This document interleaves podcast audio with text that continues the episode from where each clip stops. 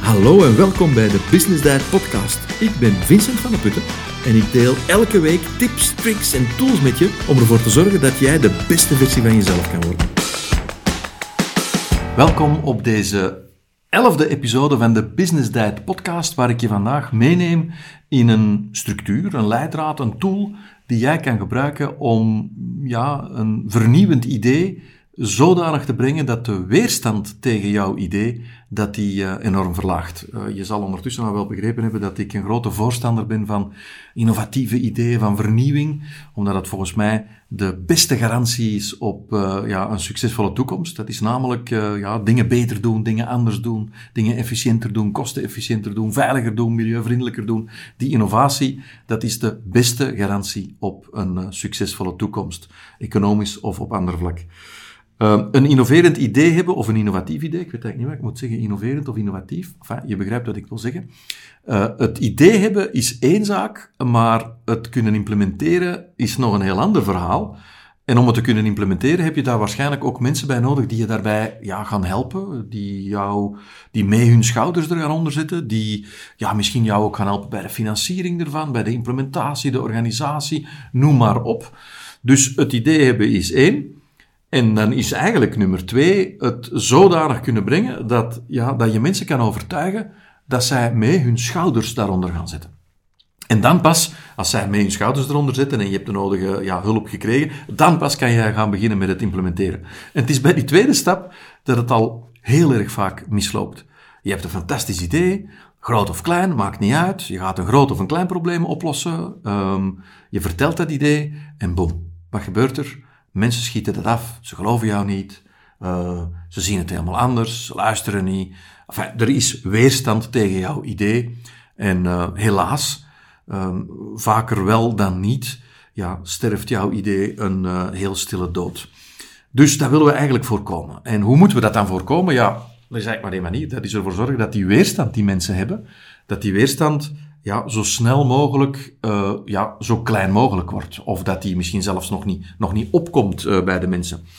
Nu, wat komt daar nu bij kijken? Dat is dat uh, hoe vernieuwender jouw idee is, en nogmaals, dat kan een heel groot iets zijn dat je wil oplossen, of zelfs iets heel eenvoudigs, maakt eigenlijk niet uit, maar hoe vernieuwender je idee is, die vernieuwendheid, dat is het al Nederlands is, ik weet het niet, die vernieuwendheid van jouw idee, die staat bijna recht evenredig tegenover de weerstand die sommige mensen tegen jouw idee kunnen hebben. Dus als het een beetje vernieuwend is, een beetje weerstand. Als het heel vernieuwend is, grote weerstand. Nou, zeker in een uh, ondernemingscontext, als je medewerkers, collega's, uh, misschien klanten of leveranciers moet gaan overtuigen van een nieuwe werkwijze, een nieuwe aanpak, een nieuwe procedure, wat dan ook. Ja, dat vernieuwende op zich, klein beetje vernieuwing, klein beetje weerstand, grote vernieuwing, grote weerstand. Maar waar zit nu het succes? Het succes zit in grote vernieuwingen, dus het is echt wel belangrijk dat we die weerstand kunnen verminderen. En deze tool, die ik eh, vandaag eh, met jou ga delen, die kan je daar echt wel bij helpen. En uh, om je daar extra in te ondersteunen, geef ik straks ook nog een link naar de gratis download, want die structuur, die leidraad, die hebben we ook in een leuke gratis download voor jou gegoten.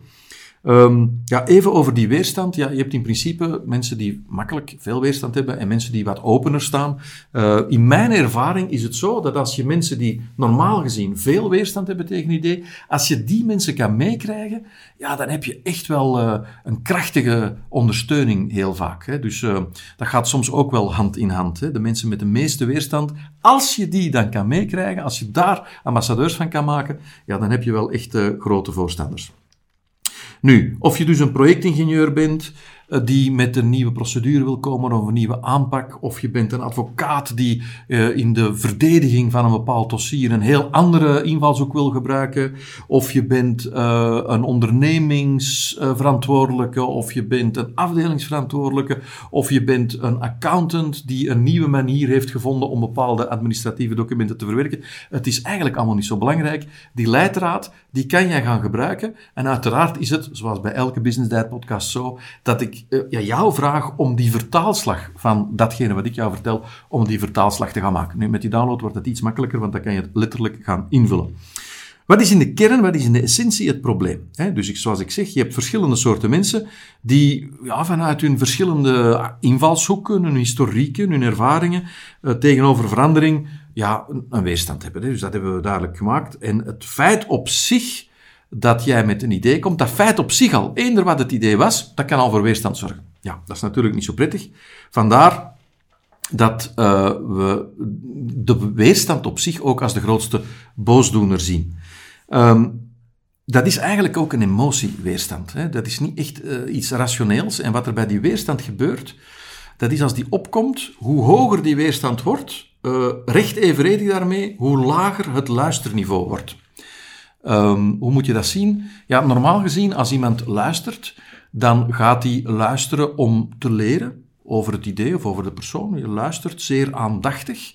En als je wat lager op de luisterniveau ladder gaat, dan ga je luisteren om te antwoorden. Dus die andere persoon die weerstand heeft, ja, die is aan het luisteren, die gaat, die gaat willen antwoorden, die gaat jou willen ja, duidelijk maken dat je ongelijk hebt, dat je idee niet zo goed is. En een nog lager luisterniveau is selectief gaan luisteren, dat die persoon ja, dingen gaat selecteren uit ja, de manier waarop jij je idee brengt, uh, een selectie gaan maken van die dingen die die dan kan gaan gebruiken straks om jouw idee af te schieten. Nog een lager luisterniveau is uh, doen alsof uh, iemand luistert. En trouwens, ja, dat ga je misschien vaker meemaken dan je denkt. Hè. Iemand zit daar dan wel naar jou te luisteren en die lichaamstaal die straalt dan precies wel uit alsof die luistert. Maar eigenlijk is die gewoon helemaal outgetuned en die is er helemaal niet meer bij. Of ja, die, die, die doet alsof dat die erbij is, maar dat is niet zo.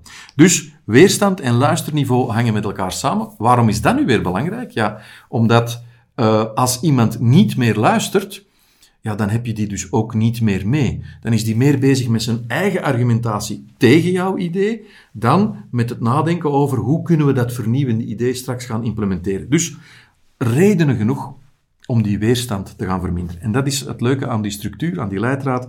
Dat is eigenlijk daarvoor geconcipieerd. Nu, um, waar gaan we beginnen? We moeten ergens beginnen natuurlijk. En we gaan beginnen met iets na te denken. Welk probleem, want dat is waarschijnlijk uh, een eigenschap van jouw innoverend of uh, vernieuwend idee. Welk probleem lost jouw idee op? Waarschijnlijk gaat jouw idee, jouw aanpak, jouw concept iets oplossen. Wat is dat? Ik kan dat nu niet zeggen, uh, maar bijvoorbeeld, dat kan een zin zijn, je gaat een bepaalde procedure met uh, 30% tijd kunnen inkorten. Je gaat een bepaalde kost met 18% kunnen laten dalen. dat zijn allemaal dingen, problemen die jij gaat kunnen oplossen. En dus de eerste stap van onze leidraad is ook juist dat. Um, ik heb bij de voorbereidingen, was ik even aan het nadenken, kan ik een voorbeeld geven? En, en zoals ik al zei, jij moet dan die vertaalslag maken. Maar ik moest denken aan het voorbeeld van de couriermaatschappij UPS. Ik denk van origine een Amerikaans bedrijf. Uh, en UPS is een heel bijzonder bedrijf, omdat die een aantal jaren geleden iets hebben geïmplementeerd, uh, wat jij misschien weet, maar ik wist het een aantal jaren geleden in elk geval niet. En toen men, men het mij vertelde, vond ik dat echt, echt een fantastisch goed idee. Uh, wat, wat heeft UPS gedaan? Die heeft eigenlijk als een soort ja, officiële richtlijn, alleen meer dan dat, het is een officiële procedure, geïmplementeerd in alle landen waar men rechts rijdt om ervoor te zorgen dat er een bepaald routingsysteem wordt geïmplementeerd en wordt gevolgd, waardoor de bestelwagens van UPS, behalve als ze niet anders kunnen, hou je vast, altijd naar rechts afslaan. Ik wist dus niet dat dat zo was vroeger. En dan dacht ik van, altijd naar rechts afslaan. Dat is toch wel heel erg ingewikkeld. Als je nu helemaal naar links moet en je, moet, je mag alleen maar naar rechts afslaan. Ja, wat is dat voor iets? Wat is nu gebleken trouwens?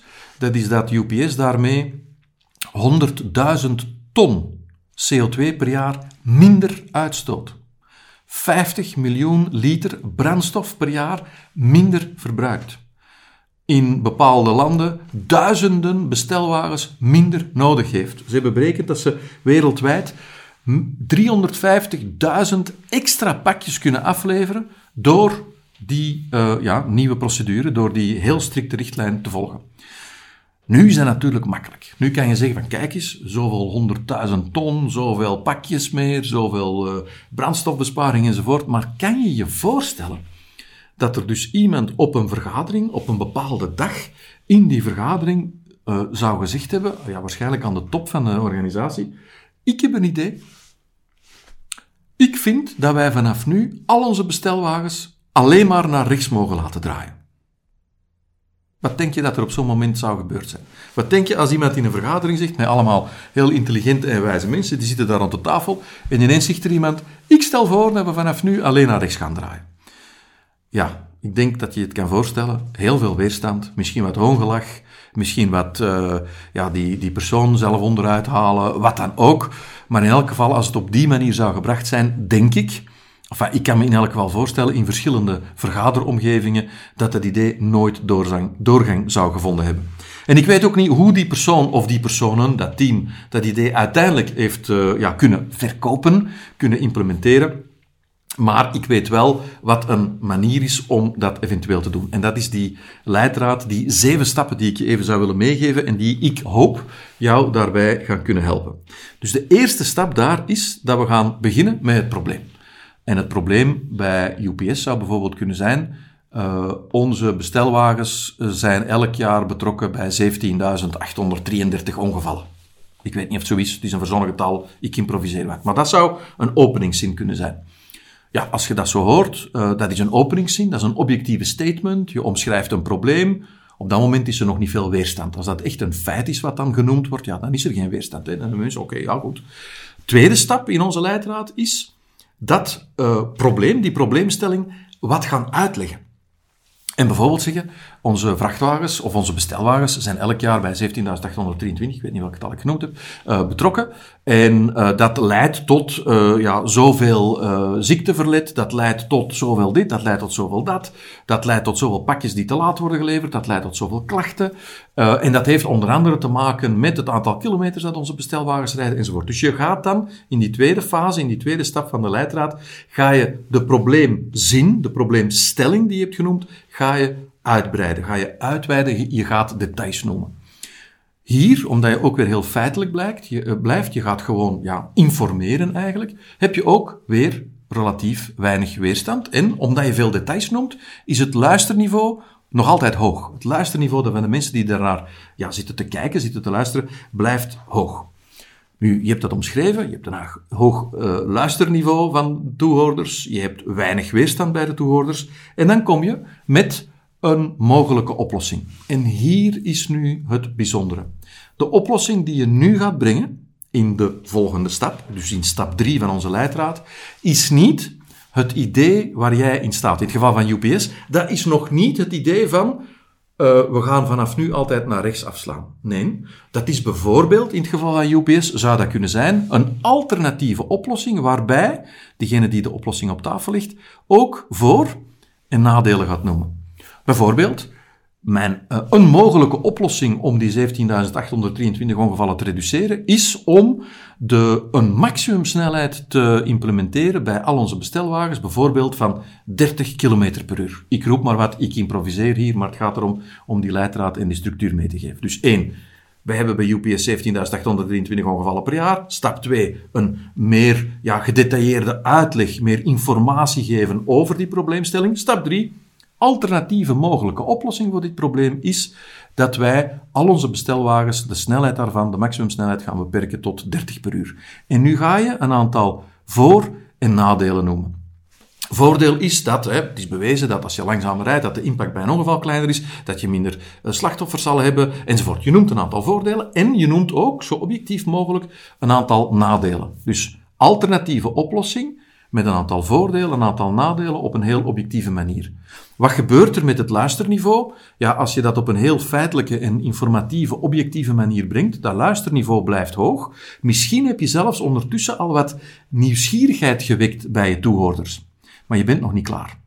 De volgende stap, de vierde stap in onze leidraad, is dat je met nog een alternatieve oplossing komt. En het is nog steeds niet jouw oplossing. Lees in het geval van UPS, we gaan vanaf nu altijd naar rechts laten afslaan.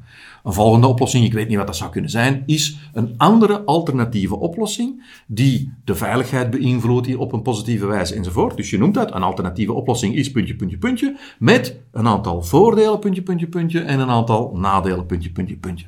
Ook weer informatief, objectief, een aantal details erbij noemen enzovoort. Je geeft daarbij ook niet de indruk dat je daar niet in gelooft. Je zegt gewoon, dat is het probleem, dat is een uitleg van het probleem, hier is een mogelijke oplossing A, met een aantal voor- en nadelen. Hier is een mogelijke oplossing B met een aantal voor- en nadelen. En nu kom je tot jouw oplossing. Een andere alternatieve oplossing is dat wij vanaf nu de bestelwagens altijd naar rechts gaan laten draaien. En daar noem je dan ook weer een aantal voordelen. En zelfs als het jouw beste, als het jouw idee is waar jij echt achter staat, ga je ook een aantal uh, nadelen benoemen. Wat gebeurt er nu met het luisterniveau? Het luisterniveau is nog altijd hoog, hè? want je hebt die weerstand die heb je kunnen laten verlagen. En eigen aan weerstand laten verlagen betekent dat het luisterniveau stijgt. Het luisterniveau is hoog, maar wat heb je nog als voordeel? Dat is dat de mensen echt wel de indruk hebben dat jij serieus hebt nagedacht over dit probleem en over de oplossing. Want je komt immers met een aantal alternatieve oplossingen. En je hebt die goed afgewogen. Dus je hebt eigenlijk niet meer mensen die tegen jou zijn, maar je hebt ze meegenomen. Door die leidraad leid je ze mee, je trekt ze mee in jouw denkproces. Ze zijn eigenlijk als het ware met jou mee aan het nadenken over ja, die oplossingen, die drie alternatieve oplossingen. Het heeft een magisch effect. En de sleutel zit er erin dat de alternatieve oplossingen, dat die ook geloofwaardig zijn. Je moet niet met een, met een bij wijze van spreken bullshit oplossing komen in, uh, in, in de eerste alternatieve oplossing A en de tweede alternatieve oplossing B. Dat moeten echt valabel mogelijke uh, alternatieven zijn. Maar die van jou steekt er toch nog bovenuit. Omdat die net wat krachtiger voordelen heeft of wat minder, uh, of een kleiner aantal nadelen. En dan kom je met de volgende stap, en dat is dat je eigenlijk een onderbouwing gaat geven, een argumentatie gaat geven waarom jouw idee haalbaar is of waarom jouw idee bepaalde voordelen heeft. En de manier waarop je dat gaat beargumenteren, ja, dat hangt natuurlijk ook van de grootte van jouw vernieuwing af. Dat hangt ook af van welk bewijsmateriaal heb je erbij. Kan je daar een studie bij halen, een analogie, ergens anders is het iets gelijkaardigs al geprobeerd en waren dit resultaten. Kortom, je gaat hier ja, je bewijsmateriaal eigenlijk moeten gaan uh, meegeven. Maar je doet het op een moment dat het luisterniveau heel hoog is en dat de weerstand zeer laag is. En dan kom je tot, uh, dus dat was mijn zesde punt, en dan kom je tot het zevende punt, dat is dan jouw conclusie. En jouw conclusie is dan duidelijk in dat geval van, kijk, en om al die redenen vind ik dat wij uh, bij UPS de bestelwagens altijd naar rechts moeten laten afslaan. Of hè, de vertaalslag naar, naar jouw vernieuwend idee. Ik herhaal even snel terug wat die zeven stappen van de structuur waren. Uh, het eerste was dus een omschrijving van de behoefte of van het probleem. Heel kort, één zin.